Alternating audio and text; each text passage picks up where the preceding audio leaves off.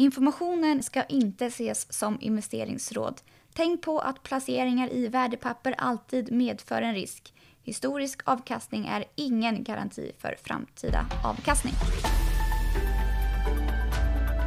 God morgon från Paretodesken den 15 september. Det är tisdag och det var glatt på Wall Street igår. H&M har precis släppt försäljningssiffror och de återhämtar sig snabbare än väntat. Och vi ska prata lite innovation inom verkstad med analytiker Anders Roslund. Men först mot USA där börserna som sagt var glada igår och stängde på plus. S&P 500 stängde på plus 1,3. Dow plus 1,2. Nasdaq 1,9 på plus.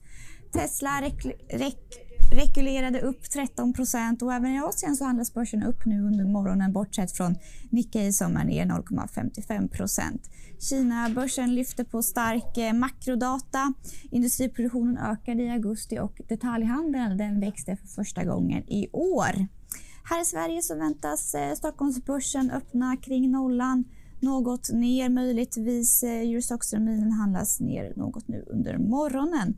Och vi har precis fått försäljningssiffror från H&M och deras eh, tredje kvartal. Försäljningen minskade med 16 procent, men det var ungefär det som hade eh, men det var ungefär det som var väntat. Men återhämtningen gick snabbare än väntat för H&M.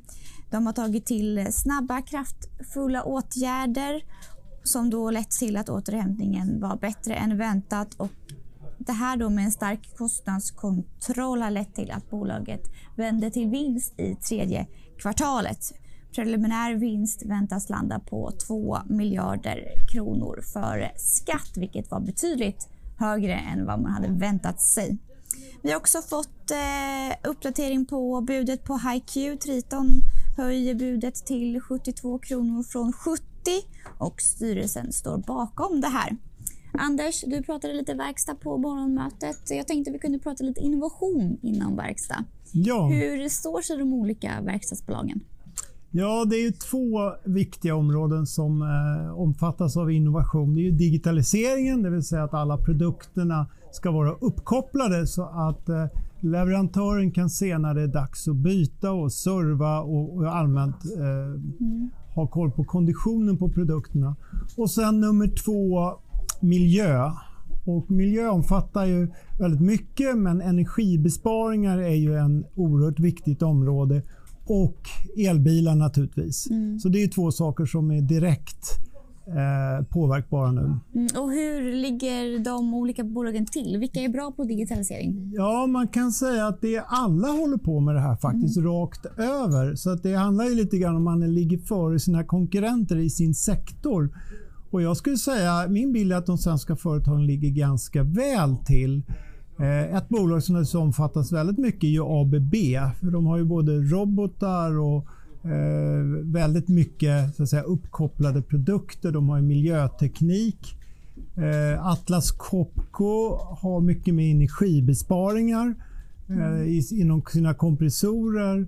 Eh, Alfa Laval håller också på med energibesparing i form av plattvärmeväxlare. SKF har uppkopplade lager så att de kan kolla när maskinerna går sönder och så vidare. Och, och Sandvik har köpt på sig flera programvarubolag med huvudsaklig inriktning på hur man ska kolla kvaliteten i produktionen. Ja, listan kan vara ganska lång, så alla håller på. Men om jag ska lyfta fram något så tycker jag nog eh, ABB, Atlas, Alfa Laval och faktiskt inte glömma Assa Abloy med sina smarta lås också. Mm. Men eh, de här bolagen då, jobbar de främst för att effektivisera sin egen produktion och sin egen verksamhet eller sina kunders? Ja, de gör både och. Men eh, produkterna pratar jag framför allt om nu och det är ju att göra bättre produkter, intressantare produkter mm. för kunderna. Så att uppkopplade produkter är ju någonting som ska göra att kundens drift blir bättre. Att man inte slipper att se eh, plötsliga avbrott och så vidare. Mm. Och om vi tar de här lite mer bilrelaterade, Volvo och de, hur jobbar de med innovation?